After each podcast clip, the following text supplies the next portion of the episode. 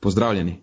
Poslušate podcast Znanost dobrega počutja. To je oddaja, v kateri odkrivamo, kako znanost pomaga izboljšati naše počutje in kako sposobnost kritičnega razmišljanja prispeva k sprejemanju dobrih odločitev na področju zdravja in fitnesa.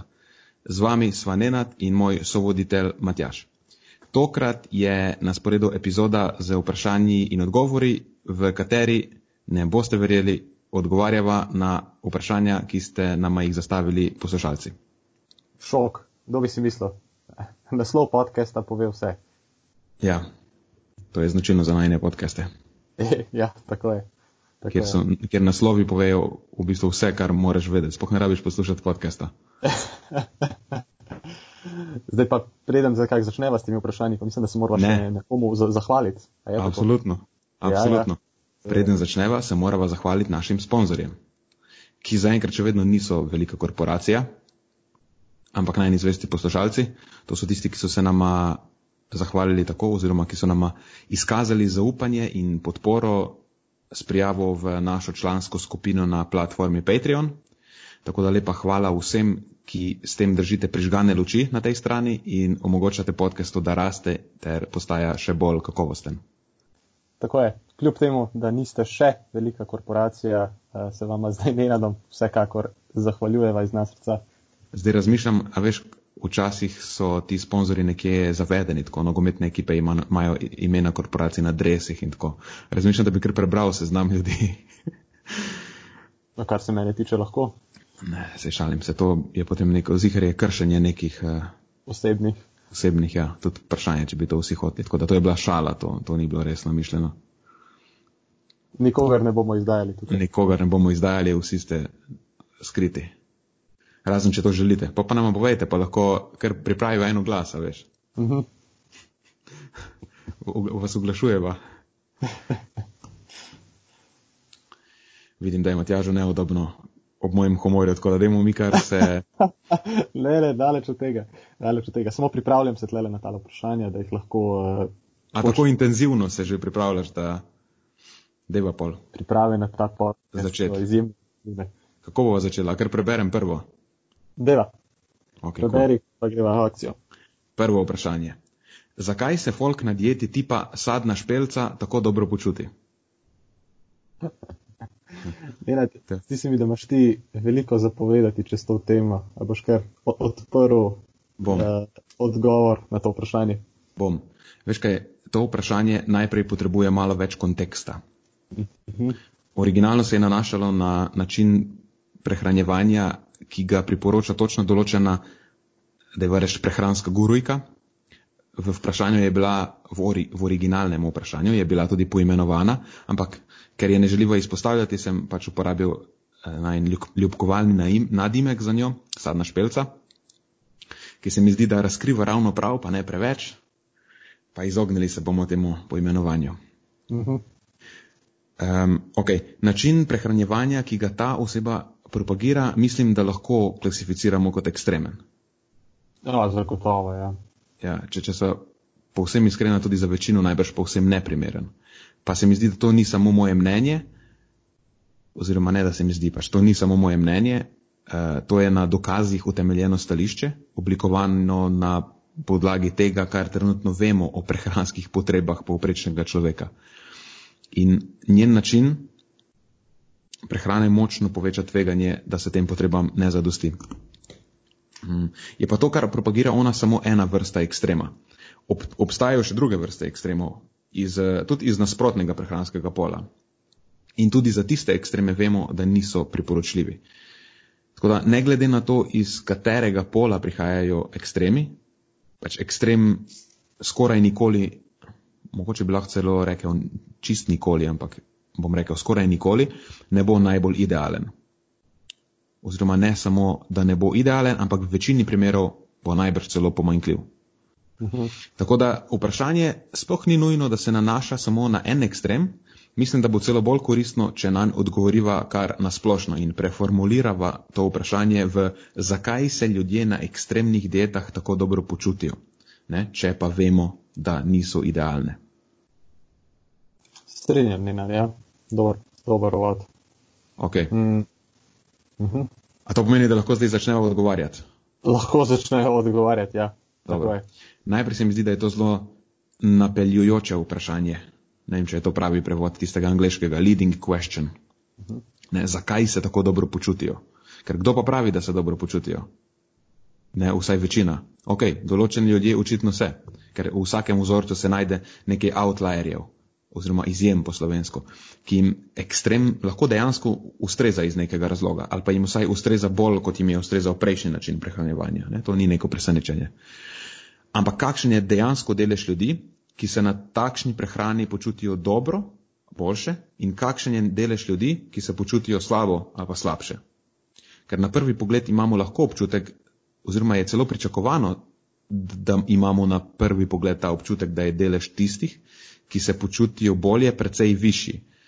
Ampak to je lahko zlahka samo posledica miselne um, oziroma logične napake, ki ji rečemo survivorship bias po angliško, po slovensko pa mislim, da je prevod preživetvena pristranskost. In tej zmoti smo podvrženi, ko se pretirano osredotočamo na tiste ljudi, ki so se uspešno prebili skozi nek selekcijski proces, zanemarjamo pa vse tiste, ki jih je ta proces povozil. Čisto za primer, da si lažje to zadevo predstavljamo, kako recimo v tem primeru se eh, ta stvar odigra. Ljudje, ki se počutijo boljše na neki prehrani, so ponavadi precej glasni o tem. Vse veš. Mhm. Ne, nič ni bolj nadležno kot nek znanec, ki se je pred kratkim odločil spremeniti prehrano in zdaj enostavno ne more biti tiho o tem in stalno razlaga, kako se počuti spektakularno po novem. Po drugi strani imaš pa ljudi, ki z neko dieto niso imeli dobre izkušnje, ampak tega načeloma ne oglašujejo okoli. V bistvu želijo zadevo čim prej pozabiti, kar je tudi povsem razumljivo. In zdaj kot zunanji obiskovalec smo valjda bolj nagnjeni k temu, da vidimo samo pozitivne izkušnje. In če sklepamo samo na podlagi navdušenih ljudi, pač dobimo zelo popačeno sliko. Ne, v resnici je lahko imelo precej več ljudi negativno reakcijo, ampak mi teh negativnih reakcij ne vidimo. Ampak ok. Deva predvidevati, da imamo dejansko nek zelo znaten delež ljudi, ki imajo pozitivno reakcijo na ekstremne diete. Mislim, sej določeni imajo res pozitivne izkušnje, vse za nek krajši čas. Tega, mislim, tega, tega spoh ne moreva zanikati. In po moje, niti niso, ti, ti primeri niti niso tako redki.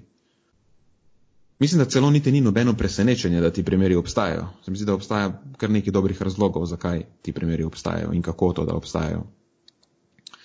Mm, je pa tako, da preden se sploh začnemo pogovarjati o dietah oziroma o prehranskih prilagoditvah konkretno, moramo najprej upoštevati dve stvari. Ne. Prva je ta, da je počutje subjektivna stvar. Ker ko nekdo poroča, da se počuti bolje, to še ne pomeni, da je stvar uh, boljša v smislu nekega njegovega zdravstvenega stanja, oziroma da je njegova fiziologija, rečemo temu, kakorkoli spremenjena na bolje. Ne? On samo poroča, da se počuti bolje iz nekega razloga. In potem druga stvar, ki jo moramo upoštevati, je pa placebo učinek. Ker ponavadi, ko se odločimo za spremembo prehrane, to storimo zato, ker verjamemo, da bo to koristno za nas. Ne? Še preden začnemo, smo prepričani. Močno dvomim, res močno dvomim, da se kdo odloči za drastično spremembo prehrane, če vsaj malo ne verjame, da bo to nekako koristno za njega. Pa tudi, če rečeš, ajde, bom poskusil, da vidim, kaj se zgodi. Mislim, to ponavadi ne pomeni, da poskušaš povsem naslepo, ampak pač poskušaš zato, ker te je predtem nekaj prepričalo, da se vsaj splača poskusiti. Ne, nisem slišal še za enega, ki si misli, ok, to vem, da to sicer sigurno ne deluje, sem, da bom probal vseeno. Ne, ponavadi uh mhm. -huh. ljudje ne operiramo na ta način. Tako da se, mi zdi, da se mi zdi, da že samo to dvoje bi lahko vsaj delno, mogoče celo v celoti pojasnilo fenomen, da se ljudje potem, ko drastično spremenijo svojo prehrano, počutijo bolje. Ne? In mogoče celo bolj drastično, kot neko stvar spremeniš, a več večji je lahko ta placebo učinek, ne? večji efekt pričakuješ. Uh mhm. -huh. Pa še ena stvar, mogoče je to tretja stvar, mogoče je pa nek, nek, neka povsem ločena stvar, je pa ta, da ljudje ponavadi prehrano spreminjajo v tandemu z drugimi stvarmi. Vse to je spet že znana zgodba. Ne? Prevzamejo nek tak bolj pozitiven odnos do sebe in do svojega zdravja, začnejo bolje skrbeti zase, več spijo, so bolj aktivni, eh, vem, zmanjšajo količino zaužitega alkohola, mogoče celo kdo neha kaditi, vse take stvari. In, aha, pa še ena stvar, na ekstremnih dietah ljudje pogosto izgubljajo odvečne kilograme. In vse to bo imelo zelo pomembne in nezanemarljive učinke na to, ne samo na to, kako se kdo počuti, ampak tudi kakšno je njegovo dejansko zdravje. Tako da vsaj na kratki rok lahko, lahko tudi ekstremne diete dejansko pomagajo ali pa celo prispevajo k temu, da se posameznikov življenjski stil in s tem tudi njegovo počutje logično spreminja na bolje. In mogoče, mislim, na tej točki so te pozitivne spremembe lahko v celoti neodvisne od dejanskih prehranskih vplivov. Ne? V bistvu spoh skoraj nima veze, kje je ekstremna dieta. Je, ne? to so lastnosti, ki pridajo za vsako ekstremno dieto.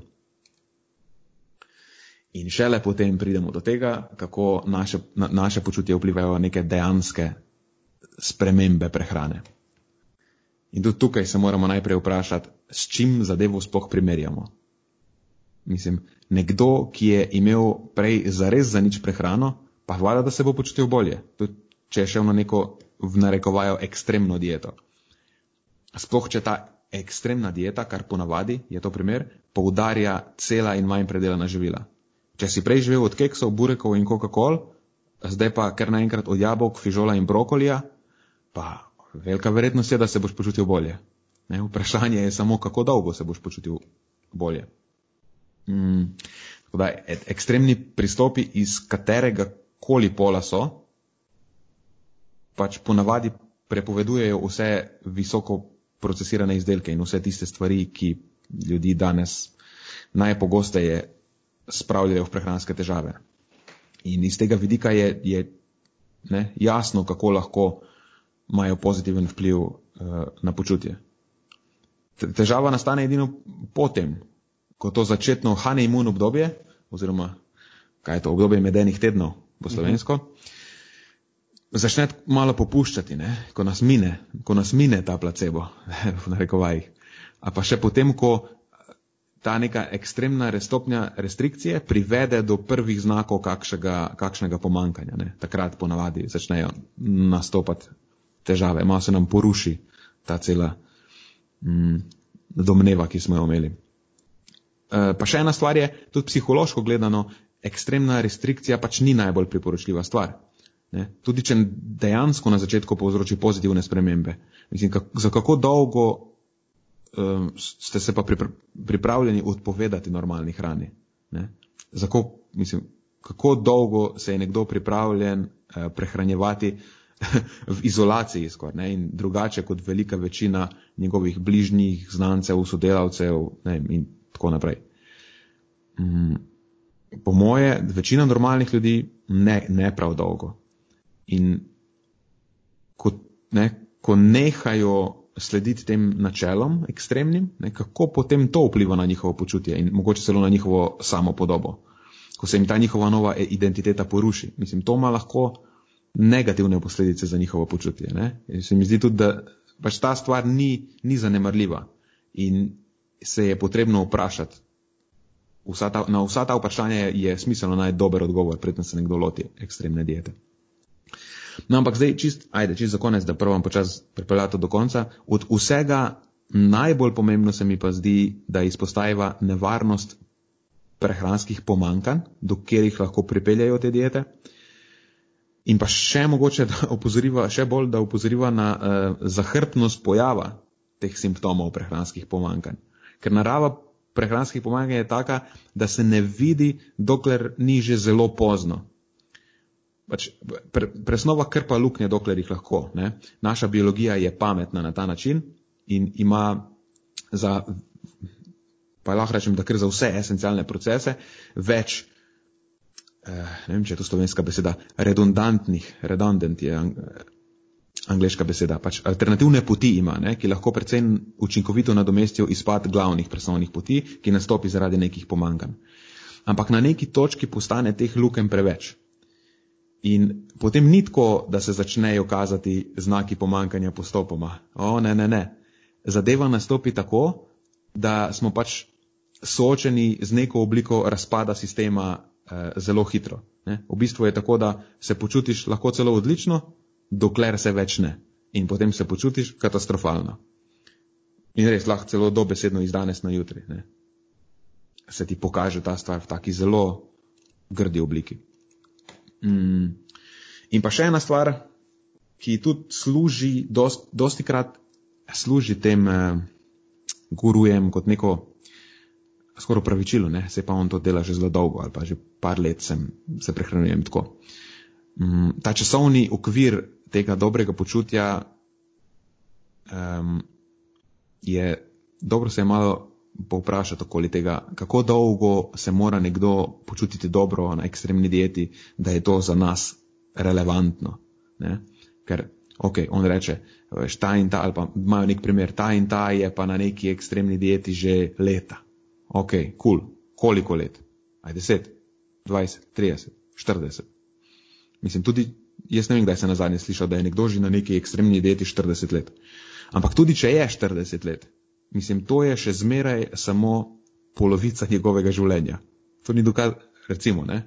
približno, če sklepajo potem, kako dolgo v poprečju živimo zahodni ljudje. Ampak to ni dokaz za nič.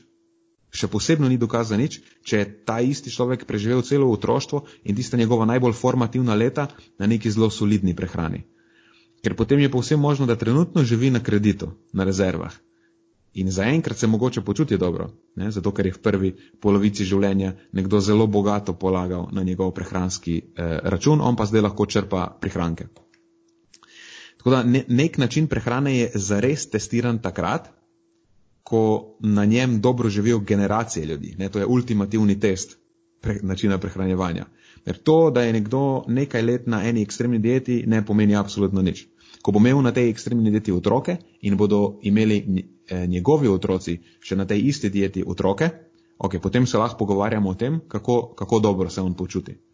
Um, do takrat pa bom vsaj jaz um, raje na to temo zaupal um, temu, kaj pravi, oziroma kaj o prehranskih potrebah človeka vemo na podlagi prehranske znanosti. In um, kaj vemo je to, da ekstremni pristopi za večino ljudi niso idealni in lahko so celo škodljivi, če so delani nespametno. In vemo, da obstaja več razlogov, zakaj se ljudje na kratek rok lahko na ekstremnih pristopih počutijo dobro, celo boljše kot so se prej.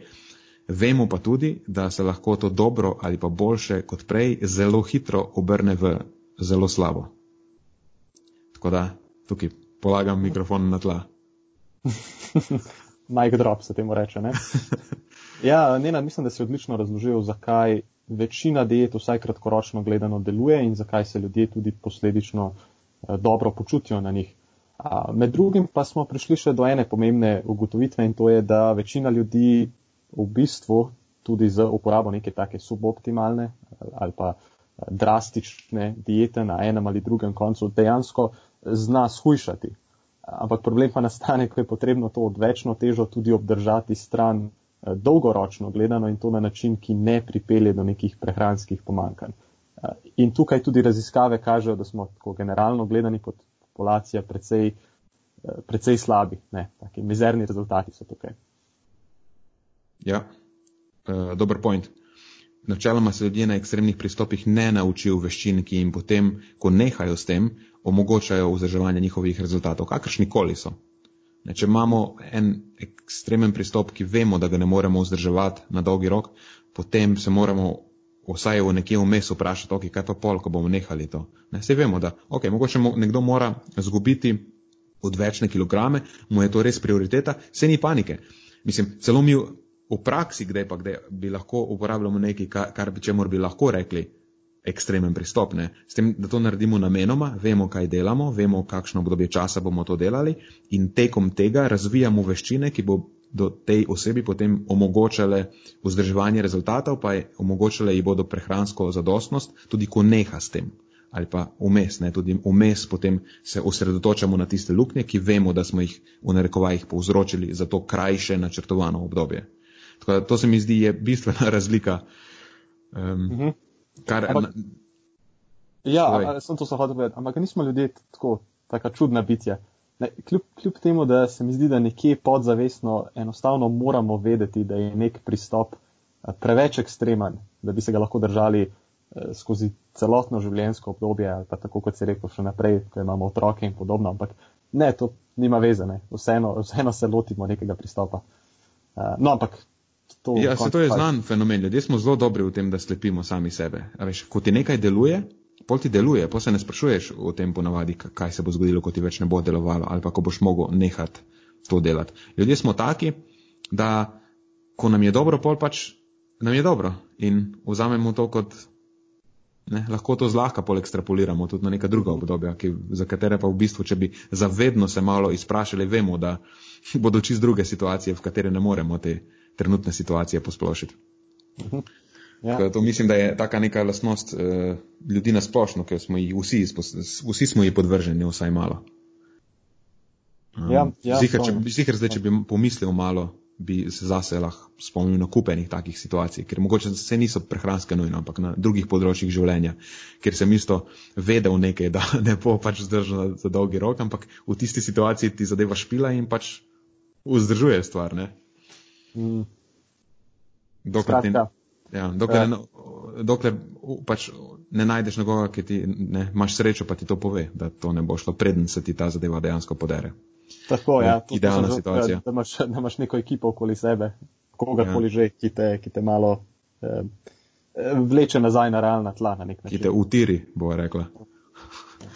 Kratka, ja. ekstremni pristopi načeloma ja, delujejo, lahko delujejo, kratkoročno gledano, ampak zakaj delujejo, je pa celo eno morje stvari, ki se jih moramo vprašati iz ozadja in po končni fazi, uh, v bistvu je vseeno, ali deluje ali ne. Pomembno je, da mi razvijemo neke veščine, potem, s katerimi lahko potem vzdržujemo nek zdrav življenjski slog, zdravo prehranjevanje, eh, tudi dolgoročno gledano. Mhm, tako je. Prva klopca, gremo naprej. Pojdimo. Drugo vprašanje. Ali je res, da človeško telo ne more absorbirati več kot 30 gramov beljakovin na obrok? To je eno ja, tako zelo, zelo znano vprašanje. Lahko te, se lahko vprašanje reče znano vprašanje. To je vprašanje, ki. Mit. Mit, znam prehranski mit, ja, evo, boljše si to povedal. Mislim, da uf, to mora biti že star prehranski mit pa in kar noče, ne, kar noče umreti. Ti moram povedati, Nena, da s tem se pa izjemno pogosto srečujemo v praksi, ne? sploh pri kakšnih športnikih, ki jih uh, zanima, kako ta stvar funkcionira v praksi. In nekateri se dejansko bojijo potem zaužiti več kot, ne vem, x gramov beljakovin rok ravno običajno tam je nekje med 25 in 30 iz nekega razloga. Hm. Uh, če se lahko kar lotim za začetek tega vprašanja. Ja, da je kar začni.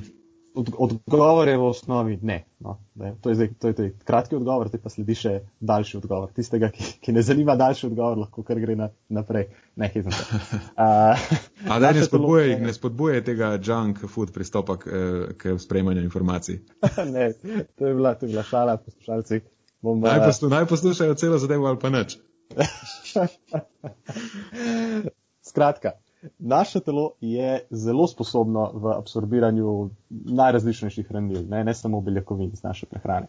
Č, če temu ne bi bilo tako, bi imelo celo morje nekih prebavnih težav, težav z malo absorpcijo, pomankanjem najrazličnejših hranil. Pogosto bi bili na VC-ju z drisko in podobnimi težavami. Zdaj, absorbiramo vsekakor bolj ali manj vse beljakovine iz samega obroka tudi veliko več kot 30 gramov. Kar pa je dejstvo, je pa to, da se vse te beljakovine zagotovo ne uporabijo za izgradnjo mišičnega tkiva. In ravno na ta račun pogosto prihaja, se mi zdi, da ta zmeda. Ne. Mišice so bolj ali manj nekako na zadnjem mestu, kamor naše telo alocira zaužite beljakovine. In druga tkiva imajo predtem prednost. Kdo bi si mislil, da je naše telo, da je pač drugim tkivom prednost, ne toliko mišicam. Um, Zdaj, eden izmed glavnih razlogov, zakaj je smiselno ciljati na višji vnos beljakovin, uh, recimo takoj v času po vadbi, je ravno ta, da v tem obdobju zaradi držljaja vadbe več beljakovin alociranih v mišice kot pa ostala tkiva. Torej, ta proces je ravno zamenjan, ampak ok, to je že popolnoma druga tema. Skratka, če potegnemo črto, ne se basti jesti več kot 30 gramov beljakovin na obrok, uh, še posebej, če je to nek tak predpogoj, da dosežete svoj celokupni dnevni potreben vnos beljakovin, kar vemo, da je v celotni zgodbi uživanja beljakovin daleč najpomembneje. In naprimer s tremi obroki, kot jih ima večina populacije, je to pogosto težko narediti, ne, če uživamo manj kot 30 gramov beljakovin na obrok.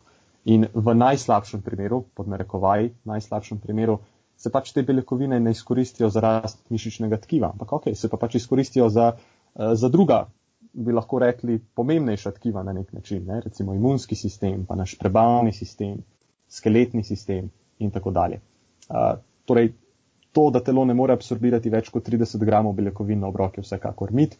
Ja, je pa res, da se uh, od neke točke dalje se pač vse zaužite beljakovine ne izkoriščajo za mišično beljakovinsko sintezo in se pač izkoriščajo na nekaterih drugih mestih.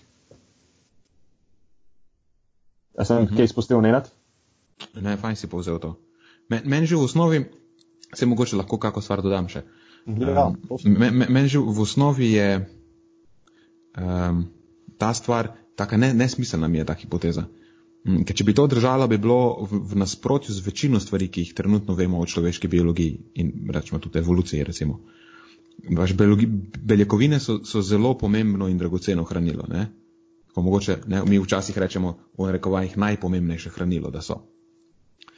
Um, in pač ta razlika v izkoristku beljakovin bi bila tekom evolucije sigurno, je bila sigurno zelo pomemben selekcijski pritisk. Tudi recimo mimo tega, kar vemo o delovanju prebavil, ne, če ne bi prebavili, prebavil, mislim, če ne bi prebavili beljakovin, bi imeli uh, kupenih prebavnih težav, pač. Ne, ker bi te beljakovine bile fermentirane pol v, oziroma uporabljanje, uporabla, uporabila bi jih eh, človeška eh, mik, mikrobiota.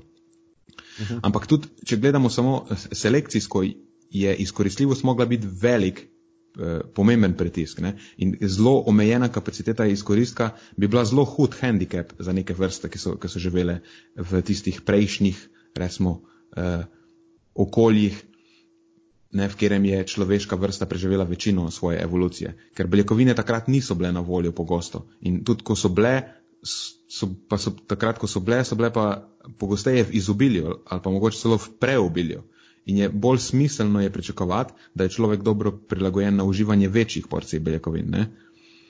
Plus, če upoštevamo še dejstvo, da telo beljakovin glih ne skladišči v večji meri nikje, nikjer, uh, oziroma da nima neke znatne, rečemo temu, inertne zaloge, ker so praktično vse beljakovine del nekih funkcionalnih tkiv in to ne, zalogo je potem treba tudi zelo dosledno nadomeščati, je spet smiselno pričakovati, da takrat ko beljakovine so na voljo, da jih izkoristimo v celoti in jih nekako nekam še založimo, mogoče, ne? da jih lahko uporabimo, uporabimo uh, kasneje.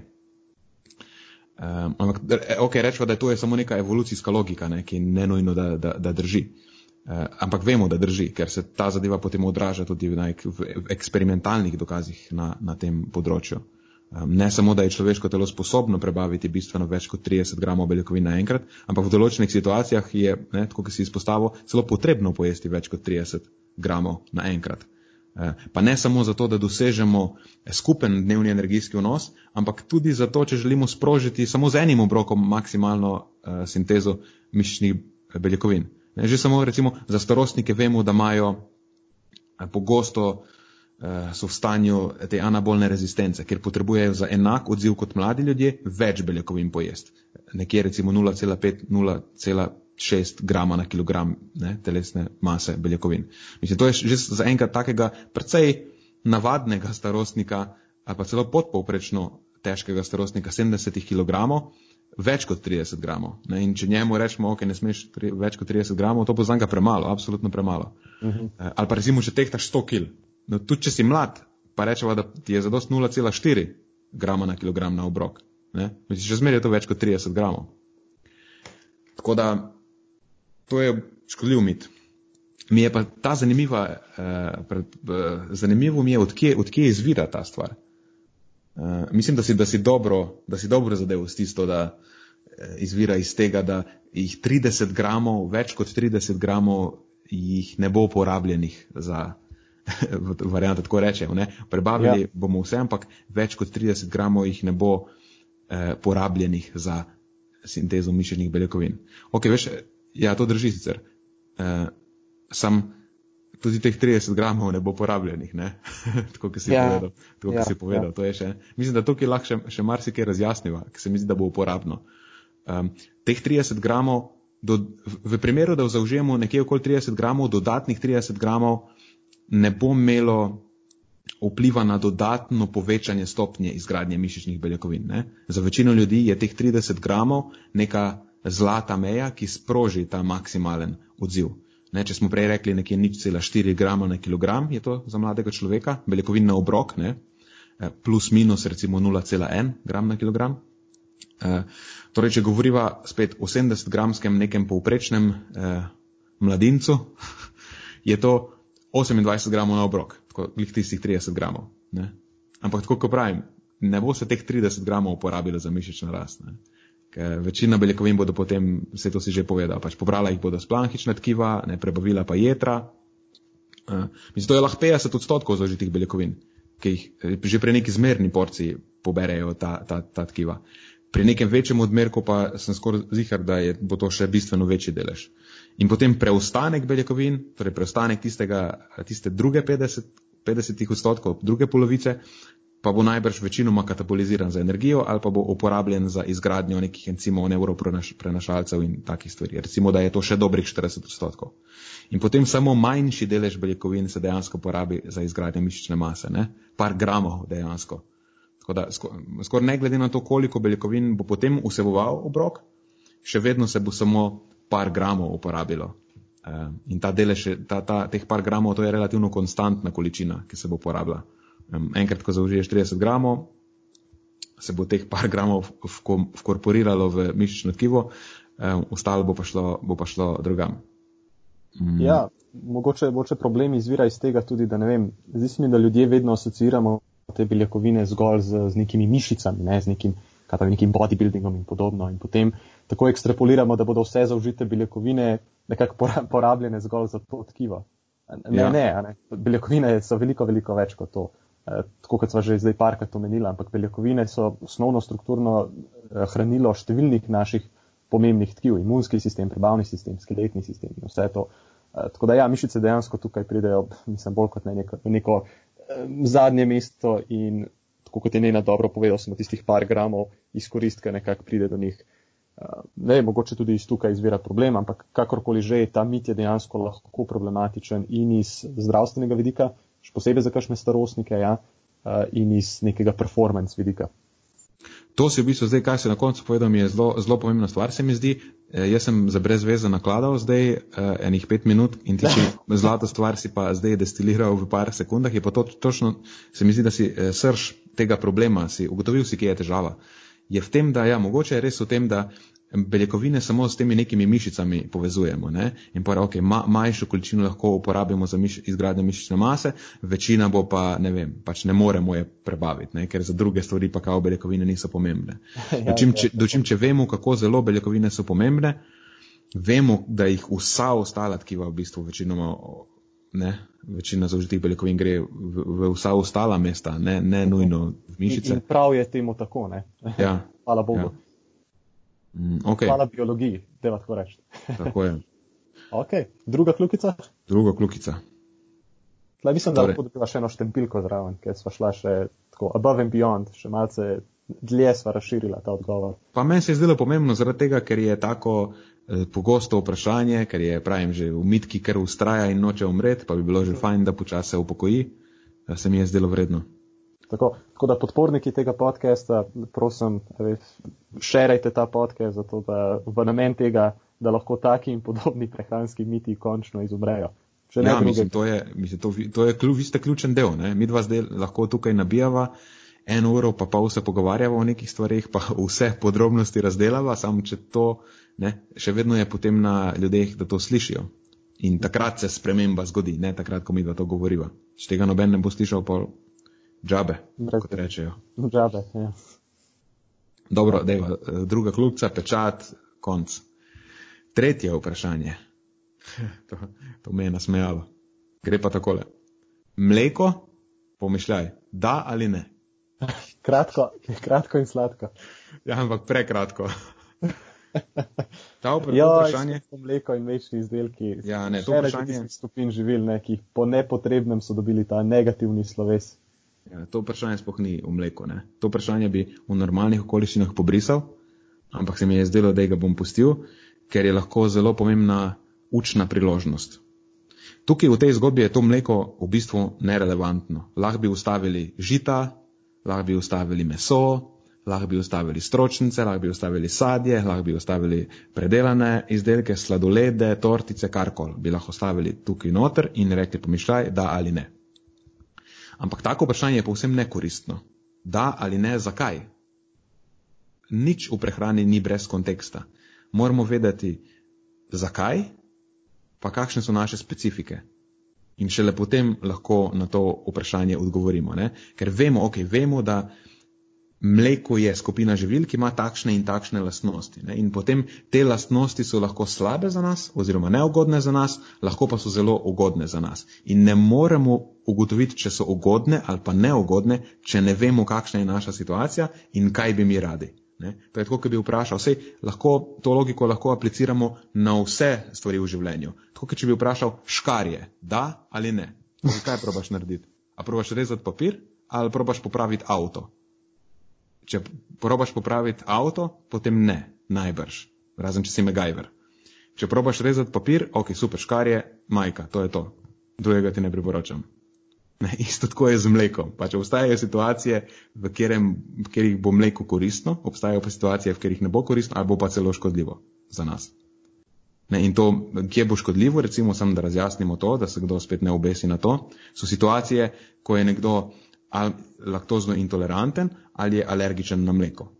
Recimo, to sta dve situaciji, v katerih je mleko škodljivo.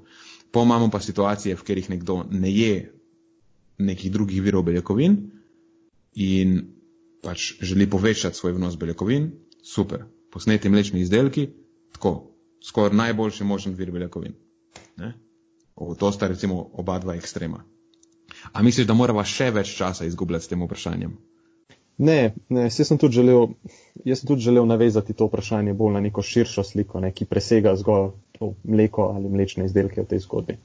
Uh, res smo padli v eno tako družbo, kjer uh, nikoli ne, ne sprašujemo se konkretno po nekem kontekstu, tako kot si ti omenil, pa po drugi strani tudi po nepotrebnem bodi si demoniziramo neko živilo ali neko hranilo, ali pa po drugi strani mogoče po nepotrebnem neko živilo poveličujemo, ta, tako imenovana super živila, samo kot primer.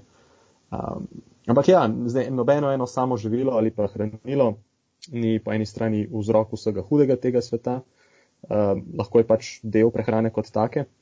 Uh, je pa vse to, tako kot si zelo dobro razložil, odvisno od konteksta, situacije. In, in to je bolj kot ne to. Kul. Cool.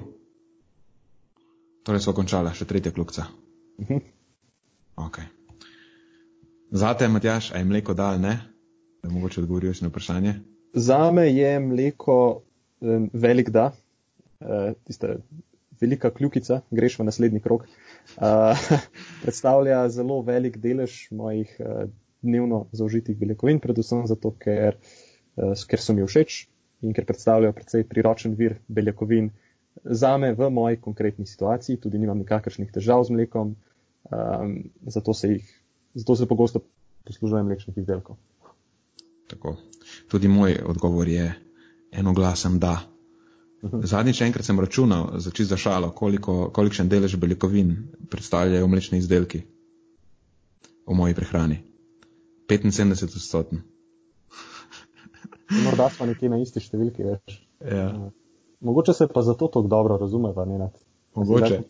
Ja, mogoče. Je pa zanimivo, ne, kako tudi meni nobenih stranskih uh, nekih učinkov nima mleko name. Niti če recimo zelo močno povečam vnos laktoze, da uporabljam mleko, prav mleko, ne izdelke mlečne, ne, pa take stvari. Ničesar ne občutim. Je, glej, Nenad, tukaj se pa lahko pač zahvaliva svoji genetiki. Ja. In to, in to je to. Mislim, za me je bilo, to bilo za me katastrofalno, če bi ne bi mogel več jesti mlečnih izdelkov. To bi ja, bilo pa lahko si predstavljam, da tudi za me ne, ne bi bila to ravno ugodna situacija. Ja, veš, in kako priročna stvar je, kako uh, vse stranski so te mlečni izdelki za uporabo. Spoh, če ti kaki praški brez okusa, lahko jih daš v slane, v sladke jedi, jih lahko daš, lahko jih daš v jedi, ki, a veš, uh, uporabljajo neke moke ali pa neke jedi, ki so uh, v narekovajih comfort foods, ne v neke palačinke in vse jih lahko stisneš noter. Dobesedno ja. vse povsod lahko daš mlečne izdelke zraven. Ja, in tudi, res, ja. tudi cel nabor imaš, ne? imaš, imaš kisle, imaš navadne, imaš. Tako da, ok, za dosti hva, hvalo speval mlečnim izdelkom. bodo rekli, da ne oplačuje mlečna industrija. Tako da, če kdo posluša iz mlečne industrije in je slišal tudi prvi del eh, s tistimi sponzorji, vsekakor, kot če želite biti prva velika korporacija, ki bo postala sponzor podcasta Znanost dobrega počutja, je mlečna industrija, vsekakor ste, mislim, več kot dobrodošli. Tako je, tako je, strinjam. ok, gremo naprej. Četrto vprašanje. Tudi zanimivo. Gre pa tako. On 190 cm, 89 kg, poje vse, kar vidi in hujša, jaz 168 cm in 80 kg pazim na intake in se redim. Mm. Tako da tukaj imamo torej zgleda, eh, vprašanje je postavila punca, tako da imava par, ki je eden tako, pa kar, kar fant, ne? Uh mhm. -huh. in očitno lahko ima visok vnos kalorij in izgublja telesno maso, po drugi strani imava pa punco, ki pa zelo pazi, kaj je in vseeno piše, da se redi. Torej, en par, ki ima pa pravzaprav ravno uh, težave na nasprotnih polih. Tako je. Um, to je, ja, ja. Lahko najprej rečemo to, da je um, to niti ni taka redkost, da nekdo poroča te stvari. Um, razlogov, zakaj do tega pride, je lahko več. Že v, v osnovi je prvi razlog je že ta, da te dve osebi imata lahko zelo različne energijske potrebe. Ne? Že samo, če primerjava energijsko, mislim, eh, presnovno stopnjo v mirovanju. Je lahko 300, tako na, na, čez palec, če bi ocenil ne, po kilogramih, je lahko 300 kalorij razlike. Če temu dodava še neko zmerno stopnjo aktivnosti, bo ta težka oseba že na račun tega, tudi če ima ta enako stopnjo aktivnosti, eh, še povečala to prednost pred to manjšo osebo. Ne. In lahko je nekih, spet, če čez, tako, čez palec ocenim to, lahko je komod 300-400 kalorij razlike med njima že v že v osnovi. Ne, potem je pa še vprašanje, kako dejansko sta aktivni te dve osebi. Če je ta 190 cm visoka in skoraj 90 kg težka oseba, nek športnik, to, recimo ta druga oseba pa gre na vadbo trikrat na teden, ajde recimo, ne. Mislim, na tedenski bazi so lahko, pa to so lahko tisoč, tisoče kalorij razlike, je lahko to na tedenski bazi. Ne? Dobesedno že lahko pride do te razlike, da zgleda na prvi pogled, kot da, da lahko on poje vse, ne? ker on dejansko potem ima skozi ta cel teden, ne vem, lahma, lahma 5-6 tisoč kalorij lukne ne? na tedenski bazi, prednosti pred njo, ali pa še več. Tako da ni nenavadno, ne? da, da, da se to opazi. Uh, tudi če zanemariva psihologijo, ne? ker potem pa prideva do psihologije, pa spet je par teh, eh, rečemo temu, miselnih napak, ki nas privedejo lahko do napačnih zaključkov. Je, ker nam se mogoče, ne, odvisno od tvojega cilja, je vedno, nam se vedno zdi, da ta cilj, ki ga mi imamo, da ne, pa, se, pa nam je težko ga doseči, um, da nam je težko, pa se ful trudimo. Ne, mogoče celo se trudimo bolj, kot si mislimo, da, mislim, bolj kot se v resnici trudimo. Uh, spet to je normalna normalna človeška stvar. Um, po drugi strani, on ima pa napačen, mislim, on ima pa nasproten problem in zdaj meni se to zdi nepravično in pa sem še potenciram te zadeve. Veš, Jaz se ful trudim, pa mi ne gre, eh, on pa ima obratni problem in tako malo zamerim skoraj dobesedno in to se v moji glavi potem potencira. Ne? Tako da ne bi jaz zanemaral psihologije na tej točki, spet ta psihologija ni nič, to je normalna pričakovana stvar. Um, večji del tega pa se mi zdi, da se pol zgodi dejansko pri energetiki, um, ne, kjer pa je, so lahko ogromne razlike med dvema osebama. Spoh, če se te osebi razlikujeta v, v, tako v telesni masi, kot v stopni fizične aktivnosti. Um, še en nivo nižje pa so potem mogoče dejanske razlike v sami presnovni stopni v mirovanju, ker pa tudi vemo, da neke genetske razlike, mislim, ja, genetske bo temu rekla, prirojene razlike vseeno obstajajo, um, pa nespremljive, nespremenljive, kakorkoli. In se lahko presnovne stopnje istih ljudi, skoraj dobesedno, ne istih v smislu, ne istih, ampak uh, ljudi z enako telesno maso, lahko razlikujejo tam nekje tudi v rangeu 10 odstotkov, se mi zdi. Ne, tako da, že, veš, zdaj, če vse to dava eno gor na drugo, pa rečemo, ok, mogoče že ima v osnovi malo počasnejšo presnovo, ni tako aktivna, pa še manj tehta, veš, to so lahko res ogromne razlike. In nekomu, ki pazi na intake, pa ne, mu nekako ne uspeva, po drugi strani pa istočasno gleda enega, ki pa ima obraten problem, potem pa se še potencira to zadevo. In na koncu res izpade, pač ni najlažje. Ja, se strinjam. Ja. Skratka, omenila sva ene par vzrokov, zakaj bi se to lahko zgodilo. Uh, omenila sva, da tukaj imamo nekaj manjkajočih podatkov, predvsem iz naslova fizične aktivnosti. Uh mhm. -huh. Lahko je nek psihološki element v igri, kot si dobro razložil, lahko pa je nek tak energetski element v igri, torej telesna masa ali pa eh, na drugi stopni tudi presnovna stopnja v mirovanju. Lahko pa bi potencialno, zdaj samo spet predvidevam lahko, ne na podlagi nekih omejenih informacij, ampak eden izmed razlogov bi morda lahko bil tudi to, kar si ti Nenad izpostavil v podkastu številka 11, če se ne motim, ko smo se pogovarjala o uh, vzrokih za pojav debelosti. Zdaj v mislih imam predvsem na to, kako se naše telo različno uh, prilagaja na kakšno obdobje prenajedanja. Uh, ker jaz pogosto, ko, ko vidim, ko slišim to vprašanje, ne, da nekdo poje vse, kar vidim, hujša, takoj mi možgani eh, nekako padejo na to temo. Ne? Uh, ker pogosto vidimo nekoga, ki se nekako prenajeda v neki dani dotični situaciji in potem posplošimo, kot da se ta oseba vedno tako prehranjuje, pa seveda vemo, da temu ni tako. Uh, nekateri se potem dejansko prilagodijo takim situacijam tako, da potem po nesreči pojedo predvsej manj v drugih delih dneva ali pa celo drugih uh, dneh okoli tistega prenajedanja, uh, Eh, in potem nekako maso lažje ohranjajo oziroma um, tako celo izgubljajo v nekaterih situacijah. Zdaj, kakorkoli že, ne na ta aspekt veliko bolje razložil kot jaz v tem podkastu številka 11, uh, zato vam toplo priporočam poslušanje tudi tega dela. To si zelo dobro izpostavil, to bi jaz pozabil povedati. Jaz sem predvideval, da ta dva, te dve osebi živita skupaj in vidita vse, kar jesta, ena za drugo, je pa spet, pa spet se vrnemo na psihologijo nazaj, mi smo pozorni samo na, a veš, nismo v svojih življenjih pozorni na vse, kar se nam dogaja, ampak se radi usredotočamo na ene stvari, ki se nam zdijo bolj ali pa manj pomembne. Ne? In zdaj, če dve osebi, tudi če živita skupaj, una druga oseba, ki tej osebi, ki lahko več poje, malo zameri, pa mogoče zameri, ni glih prava beseda, ampak ne, se usredotoča na to, kaj pa vse ta oseba lahko poje, si bo glih zapomnila najbolj tiste stvari, ko vidi, da je tam oseba, ne vem, pico ali pa sladoled ali pa neke druge energijsko bogate prigrizke. In si bo to bistveno bolj zapomnila. In pol pride do ene distorzije eh, čez neko daljše obdobje časa, ker si zapomniš samo vse stvari, ne, kako ta oseba je to, kar ti nekako paziš, da ne boš, in spet dobiš napačno sliko. Mhm. Na koncu. Ja, tako je, ker, ker tudi, tudi pari, ki živijo skupaj, ne govorim malo iz, iz lastnih izkušenj, ampak sej koliko obrokov pa dejansko uživamo skupaj. Se to je ne, tudi res. Ja.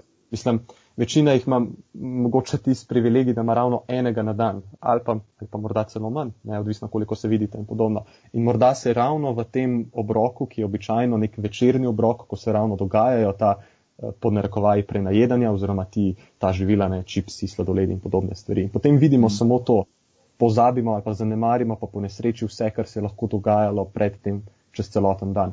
Mogoče pa ta oseba a veš, ni nič jedla cel dan, ne, pač je bila v akciji, busy, biznisi, gor dol in lej. V končni ja. fazi po nesreči še vedno bil v nekem energijskem pomankanju. Očitno je bil v pomankanju, ne, če izgublja telesno maso. Ja, zelo očitno. Ja. Uh, no, pa še eno stvar, mora, še nekaj mora, kar so pozabili povedati. Je pa to, da ljudje smo, zdaj, piše pazim na intake. Zdaj, kaj to pomeni, pazim na intake? Kako dosledno se to beleži? A se to tehtajo živila, a se jih ocenjuje, a se jih vnaša v neko aplikacijo? Um, po mojih izkušnjah, mislim, po najnih, po naših izkušnjah, smo, smo lahko rečemo, ker smo, ne? ker mislim, da za, tudi mi dva oba dva, če nimamo mhm. nekih metod, s katerimi v nekem trenutku spremljajo svojo prehrano, so precej nenatančne. Vsaj zase vem, da če spalce ceniti je to. No, ne, vse, kako resem. Razpad sistema. Um, ljudje smo zelo nenatančni v tem in če ne pravim, odvisno kakš, v kakšni metodi govorimo, ampak če se to ocenjuje kar tako malo, gledam, kaj imam na krožniku, to je lahko potem ponavadi, mislim, to je doskrat ni zelo natančna ocena, eh, sploh potem, ko probamo se odpovedati nekim stvarem, pa zmanjšati energijsko osebnost svojega krožnika, potem smo še bolj izpostavljeni temu, da eh, smo še manj natančni, dejansko doskrat. Ja, in tukaj imamo dejansko zelo dobre raziskave tudi na tem naslovu, celo o posameznikih, ki so v procesu hujšanja, torej da pazijo na to, kaj jejo in napačno ocenjujejo svoj intake celo za tisoč kalorij, če se ne motim, lahko.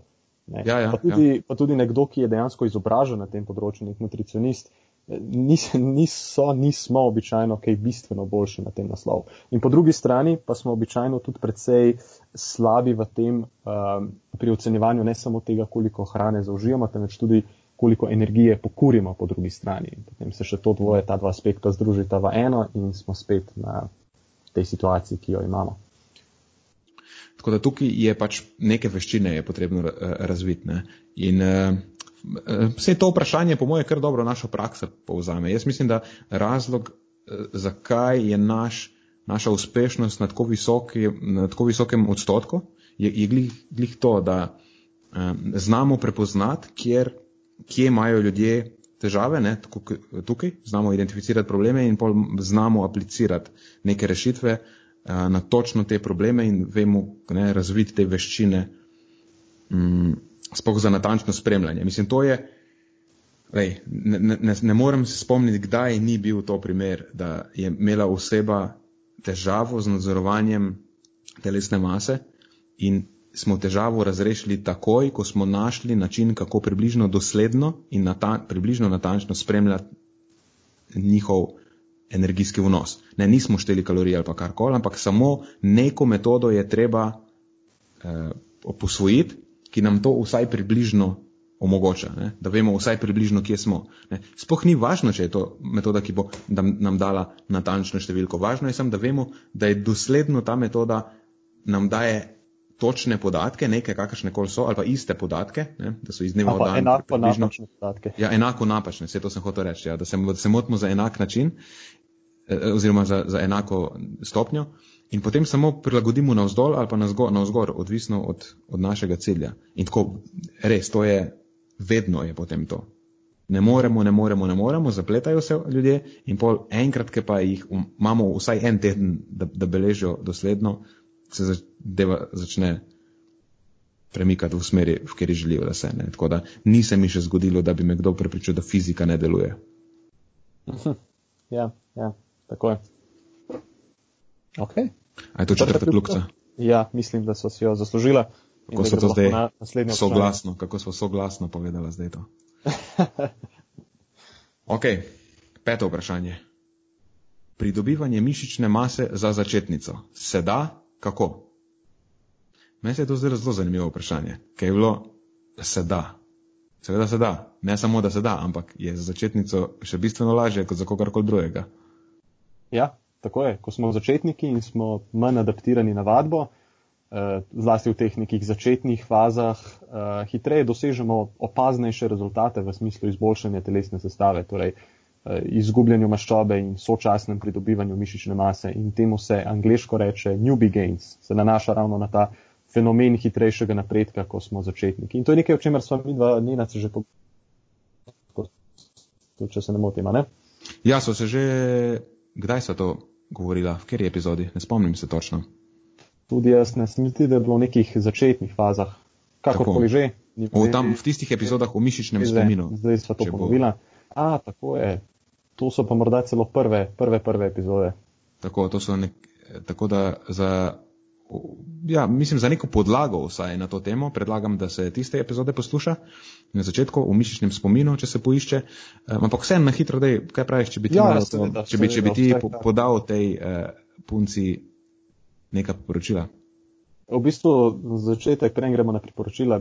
Bi, Ko mislim čistko, ja, te najbolj osnovne stvari, ki so pomembne za začetnike, da je to poj. Tako. No, ampak preden grem na to, bi samo rad pohvalil to posameznico, zato ker eh, zelo ja. redko se mi zdi, da dobimo to vprašanje. Ne, veliko žensk se izogiba, oziroma bolje rečeno, eh, ne da se izogiba, ja, izogiba se vadbi z bremenom, ne, ki pa seveda v tej zgodbi pridobivanja mišične mase nekega ključnega pomena. Zato se mi je eh, zdelo tako malo osvežujoče, da dobimo tako mhm. vprašanje iz tega naslova, da ni samo o hujšanju, ampak tudi uh, na drugem naslovu pridobivanja mišične mase. Kakorkoli že. Prva stvar je vadba z bremeni. Ne, vadba z bremeni, govorila sva že z Nenadom o pomenu vadba z bremeni, kako eh, v bistvu ključnega pomena je vadba kot taka. In v tem kontekstu je vsekakor nujno potrebna se predstavlja tisti držljaj za pridobivanje mišične mase. Če tega držljaja ni, potem pač ne bo rezultata. Ne, ne glede na to, če optimiziramo vse ostale točke, bomo pogovarjali.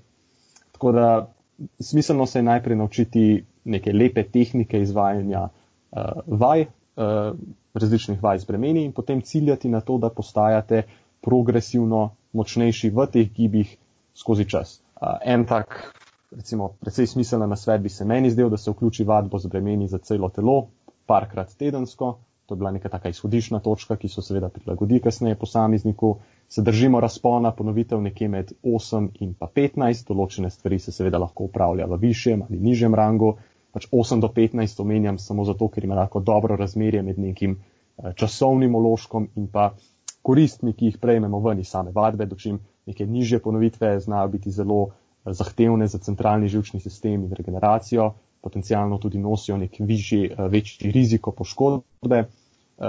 Više ponovitve po drugi strani, ne govorim tam 20, 30 plus, pa so časovno gledano lahko zelo potratne. To je točka, vadba z bremeni. Druga stvar je potem prehrana, ne, nekako moramo podkrepiti to vadbo z bremeni in na tem naslovu se mi zdi, da bosta daleč najpomembnejši dve točki in to je nek um, primeren energijski vnos, zadosten energijski vnos, idealno rahel energijski presežek, ne, zato da ustvarimo, uh, kar se da, narekovaj, anabolno okolje za mišično rast, za rast novega tkiva. In druga stvar, nek zadosten vnos beljakovin, zato da damo telesu na razpolago dovolj gradnikov, s katerimi lahko podpre tisti preomenjeni držljaj vadbe z bremeni in tukaj ciljamo, zdi se mi, da bo neka odlična izhodišna točka tam okrog dveh gramov beljakovin na kilogram telesne mase. Spet to je nekaj, kar se prilagaja potem lahko v praksi. Tretja točka bo spanje, ne, nekaj, kar zelo pogosto, eh, kar tako pozabimo. Poskrbeti je potrebno za dovolj spanca, jaz bi ciljal nekje na minimalno 7 ur na dan, idealno več. In pa četrta točka, ki je pa ne bom podrobneje obdeloval, ker je precej široka, široko zastavljena, je pa nek tak stres management. In zdaj, če povežemo vse te štiri točke na kup, potem je to bolj kot ne to sem kaj uh, izpustil, ne nad, mogoče bi še kaj dodal. Ne, najraje ne bi nič dodal. Da, ne bi, da ne bi pokvaril tega zelo dobrega odgovora. Dobro, hvala. Ede, edino, eno stvar bi samo vsem bom tvegal. Tvegaj. Mm, pač vadba z vremeni si rekel, da je zelo pomembna. Uh mhm. -huh. Definitivno je ključna, ne. Pač ne moramo pridobivati na mišični masi, brez da jih stimuliramo te rasti nekako. Da doskrat potem se ne, odločamo na naslednji točki, ok, s čim bomo, a bomo z utežmi in napravami ali bomo z lastno težo. Se mi zdi, da za začetnico je bistveno bolje z utežmi in z napravami. Bistveno hmm. lažje je spremljati napredek, bistveno lažje je neke stvari prilagajati. Mm, ker z lastno težo, marsikdo si misli, ok, z lastno težo pa se ničesar ne rabim, ne, to je super, lahko, ker ne vem, sklece, počepe, vse lahko z lastno težo naredim. E, ne, ni, nekega, ni, ni neke stopničke visoke, ki jo, ki jo človek mora preskočiti, da lahko tre, začne trenirati z lastno težo, ne, ničesar v bistvu ne rabiš skoraj. Je pa precej težje stvari prilagajati tako, da bi bilo najbolj, um, da bi ne bilo najbolj conducive, kako je slovenska beseda, Matjaš? Produktivno. Produktivno, ja. Pa tudi hvala. Eh, samo progresivno preobremenitev je precej teže izvajati. Ja, se, to sem, tja, tja sem glih cilov, ne. Um, te, ker kaj spoh, ne, kaj spoh pomeni um, tam do odpovedi, ko delaš z lastno težo, ne, ali pa kako neke stvari spremljaš, ali pa že kako samo roke postaviš, je lahko, eh, enkrat delaš sklece tako, drugič jih delaš tako, ne. In uh -huh. So lahko razlike v ponovitvah, ki si jih naredil. In pač teže je vse skupaj. Rabiš precej prakse, po mojih izkušnjah, da znaš vajo zla, da, da znaš vadbo z, z lastno težo prilagajati tako, da bo maksimalno efektivna. Uh -huh. Mislim, ne nočem zdaj nobenega odvrniti od vaje z lastno težo. Sam zdi se mi, da je ful lažje za začetnika, začeti z otežmi delati, pa se z otežmi naučiti pravilne tehnike. Pa dost lažje je, veš, zmanjšati težo, če uh -huh. tehnika trpi. Dost laže je povišati malo po malo, da tehnika ne trpi, ko zvišuješ. Ne? Tako da se mi zdi, da so to pomembne. Ja, to si super izpostavil, ne, se popolnoma strinjam. Jaz sem Torej, se pa na tem naslovu spomnil še ene druge stvari, pravzaprav, ker si omenil naprave.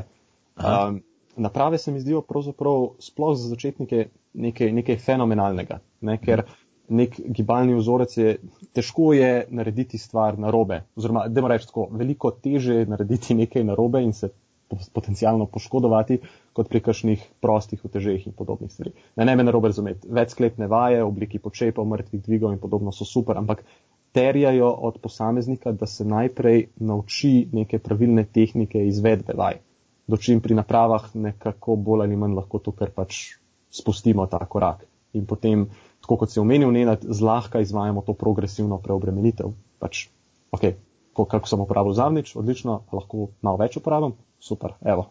In tako nadaljujemo stopnička za stopničko. Ne? Ja, naprave so super. Tako. Ja, jaz, treniram, jaz treniram noge, sem z napravami. ja, imaš izvrstne zgodbe. To je resnična zgodba. True story. ok, kljubca za peto. Dejansko mi ni, nisem pokvaril torej, tvojega odgovora. Ni, mislim, da si ga podkrepil. Hvala lepa. Uf, odlično, hvala. Ok, peta klubca greva. Šesto vprašanje. Kakšno mnenje imate o pšeničnih otrobih? Zelo ste jih tvorili to vprašanje. V bistvu ni napačno vprašanje, pač kakšno mnenje imamo mi dva o pšeničnih otrobih. Uh -huh. um, pa bomo lahko hitro na to odgovoriva. Kaj so otrobi? Otrobi so trdni zunanji ovoj semena žita, um, pač predvsem so bogat vir žitnih vlaknin, kar je kul, cool, V epidemiologiji, torej v opazovalnih raziskavah, je višji vnos žitnih vlaknin močno povezan z nižjim tveganjem za rakasto obolenje prebavil, predvsem je to rak na debelem črvesju. Imamo pa tudi povezave, ki so tudi relativno dosledne, z nižjim tveganjem za, eh, rečemo temu, razne presnovne motnje. Tako da, kot kaže, bi lahko imele žitne vlaknine neke celo specifične koristi, ki jih ločijo od vlaknin v stročnicah, oreških in semenih, pa sadju in zelenjavi. Ne. Žitne vlaknine oziroma uživanje, visok vnos žitnih vlaknin je drugače ali pa z večjo močjo povezan s koristnimi učinki kot te druge vlaknine v mhm. nekaterih raziskavah. Tako da vsekakor žitne vlaknine je fajn uživati v neki malo višji meri. Um, ampak vse to se zlahka naredi samo z uživanjem polnozrnatih žit in žitnih izdelkov iz polnozrnatih žit. Mislim, da v otrobi niso nujni. Če ima nekdo prehrano, ki, ker je dokaj pogosto potem vključuje polnozrnate izdelke, hm, zadosti tem potrebam, brez da bi jih dodajal prav tako, skoraj na nek način izolirane, ne? ker otrobi so predvsem vir vlaknin. Uh -huh. hm, Zdaj, če pa nekdo iz nekega razloga ne uspe zaužiti dovolj vlaknin ali pa želi povišati vnos prehranskih vlaknin, ja, potem pa lahko uporabi otrobe. Um, včasih je edina težava najti način, ker otrobi načeloma niso glih tako vse stranski za uporabo kot drugi izdelki iz polnozrnatih žit. Lahko so grobi, lahko so neprijetnega okusa, um, mislim, da tudi tekočino počasneje upijejo, ampak mhm. -huh. vse, dan danes mislim, da večini smo rešili te težave, ker spoh ne vem, če lahko navadne otrobe, kjer še kupiš, kup, prodajajo se instant otrobi večinoma, ki so obdelani z ekstruzijo in v bistvu vse te težave ta stvar reši, mm, ker imajo instant otrobi precej neutralen okus, imajo boljšo topnost, um, lahko jih v nekih receptih uporabiš, lahko jih daš v smudi, v take stvari, ker recimo navadnih otrobov ne moreš iz surovih. Mm, vsekakor je odsvetovano to. Tako da pač, če so nekomu otrobi všeč in zdaj najde način, kako jih lahko uporabi tako, da mu bodo okusni, potem naj, ne, spoh, če to dela z namenom, da poveča njegov trenutno prenizek vnos prehranskih vlaknin, spoh žitnih. Mm, edin, kar bi upozoril, je to, da ne pretiravati z njimi. Pač tudi vlaknine imajo lahko zgornjo mejo. In zdaj, če nekdo že uživa dovolj žitnih vlaknin, potem ne vidim v smislu v dodajanju še ekstra vlaknin iz otrobov spoh pa ne, če mu potem to povzroči neke prebavne eh, nevšečnosti, pa ga napenja, pa take stvari. Mhm. Mm. Tako da spet odvisno od konteksta. Ne? Ampak O, ja. to je najno mnenje o otrokih, ki je bilo, upam, da podkrepljeno tudi z, z nečim oprejemljivim. Ni bilo Ja. samo mnenje. Ja, dobro, dobro si to povedal. Nenad. Všeč mi je, da si izpostavil to, kako, uh, ker mi pogosto uh, nekako v, tako, v širši populaciji dojemamo te vlaknine kot eno stvar. Ampak vlaknin, precej jih je, ne? različne so in niso vse vlaknine enake, vsaj po učinkih, ki jih imajo na telo. Uh, In tako je, te pšenične vlaknine dejansko pač nosijo neko posebno mesto v naši prehrani. Uh, Ampak spet, ni nujno, da dobimo zdaj te vlaknine izključno iz nekih otrobov. Uh, Če bo prehrana kot taka temeljila na nekih polnovrednih žitih, oziroma jih ne bo izključevala iz prehrane, potem jih po vsej verjetnosti že dobimo na ta račun dovolj. Tako da pozorno pri dodajanju, kot je omenil Nenad. Mhm. Ja, vlaknine so izjemno, izjemno raznovrstna um, kategorija hranil. In mislim, res so raznolike. Ne? Različne vlaknine najbrž tudi hranijo različne seve uh, mikroorganizmov, ki jih imamo v črvesju. Ne? So specifična hrana za specifične seve, tako da mm, včasih po- to pogosto low carberi to rečejo, ne? pa sej ne rabim jaz žiti, jaz dobim zadost vlaknin iz uh, zelenjave. Ja, sem je ful težava, ker zanimivo, ne, vlaknine iz zelenjave niso tako zelo močno povezane z, nižjo, z nižjim tveganjem za raka prebavil. Um, kot recimo niti kot žitne, spoh ne kot žitne, niti približno, um, in tudi manj kot recimo vlaknine stročnic in takih stvari. Ne. Tako da mogoče je to neka lukna v tistem načinu prehranjevanja. Ja, ena izmed potencialnih lukenj. Ena izmed. Ampak se to je, to so se prej pogovarjali o ekstremnih pristopih. Vedno, ko manjši nabor imaš, iz katerega lahko zbiraš, ne večja je verjetnost, da ti bo nekaj manjkalo. Ne tudi, če je neko hranilo, ki ni tehnično esencialno za preživetje, je pa čisto mogoče, da gre za hranilo, ki bo esencialno vsaj za eh, maksimalno dolgoživost ali pa ne, optimalno zdravje. Ne, to, da umreš, pa da živiš dobro, sta dve zelo različni stvari. Mhm. Res je, ja. Ok, odlično, Nenad. A to pomeni, da so končala za danes? Ja, kako sva časovno gledano? Jaz mislim, da je to zelo kulturno, pa v skladu z eh, najno časovnico. Eno uro in deset minut. Ja, vsekakor se strinjam. Nekaj vprašanj imamo potem še za naslednjič. Uh, spet uh, odličnih vprašanj. Meni je tale, Mhm. tale vojno mi je zelo pri srcu, moram priznati. Uh, pa tudi presenečen sem nad kvaliteto nekaterih vprašanj. No, tako. Mhm. Ja, tudi meni je fajn, fajn mi je ta, eh, ta tip epizode mi je všeč. Tudi meni, vprašanje in odgovori. Mhm. Tako da upam, da je tudi poslušalcem. Je oni imam občutek- sporočiti. Imam občutek take interakcije s poslušalci, a veš, sej, ni, Ja. ja. ni, ni direktna, ampak je zanimivo. Malo slišimo tudi od njih, kaj jih zanima. Dobro, da ne nakladam za brez veze. Uh, Nač, za konec nam ostane samo še, da se lepo zahvaliva za poslušanje, pa za vse pozitivne ocene na iTunesih. Dobili smo tudi prvi review, ki je zelo pozitiven in tak čista prav review je. Uh, mislim, res je, res je dober. Mm, Nisva ga napisala mi dva z Nenadom. Ne, nisva ga napisala midva, ne, nisva ga napisala midva. Uh, se mi je pa zelo tako, res je fino, ker povzame to, kar probamo z podcastom doseči. ne. Tako da očitno delamo, delamo to dobro. Ja, ja, super review. Uh, hvala ja, lepa. Da, ja, lepa hvala za pomoč pri promoviranju tega podcasta, da tega eh, še drugi priporočiti dalje, da ga vidi čim več ljudi, da, da, da, da ga slišijo v bistvu, da slišijo to, o čemer smo, spoh danes, o čemer smo se pogovarjali, ker se mi zdi, da so pomembne stvari. Um, vsekakor ne, definitivno največji hvala vsem, ki ste se odločili postati člani projekta Znanost dobrega počutja na Patreonu. Link lahko najdete v opisu epizode. Mm, sicer pa dajte nama slediti z Matjažem na Instagram profilih, njegov handle je matjaz.feelgood, moj je nenad.feelgood. Za sodelovanje z ekipo Feelgood, če vas zanima ta prehrana in vadba, um, če vas zanima coaching v, ali pa treningi v večji ali pa manjši skupini, kakšne, dela, kakšne koli delavnice, promocija zdravja na delovnem mestu, za vse to nam lahko pišete na info at feelpomišljajgood.si. In to je po moje to, Matjaš, sem pozabil povedati. Ne, ničesar nisi pozabil. Uh, vzpostavil bi samo to, da super je, če nam sledite, ker boste tako tudi lažje prišli do te opcije, da postavite svoje vprašanje v bodoče. -huh. Um, sicer pa najlepša hvala za poslušanje, se pridružujem uh, Nenadovim besedam in se slišimo naslednjič. Tako je, do takrat pa ostanite premišljeni.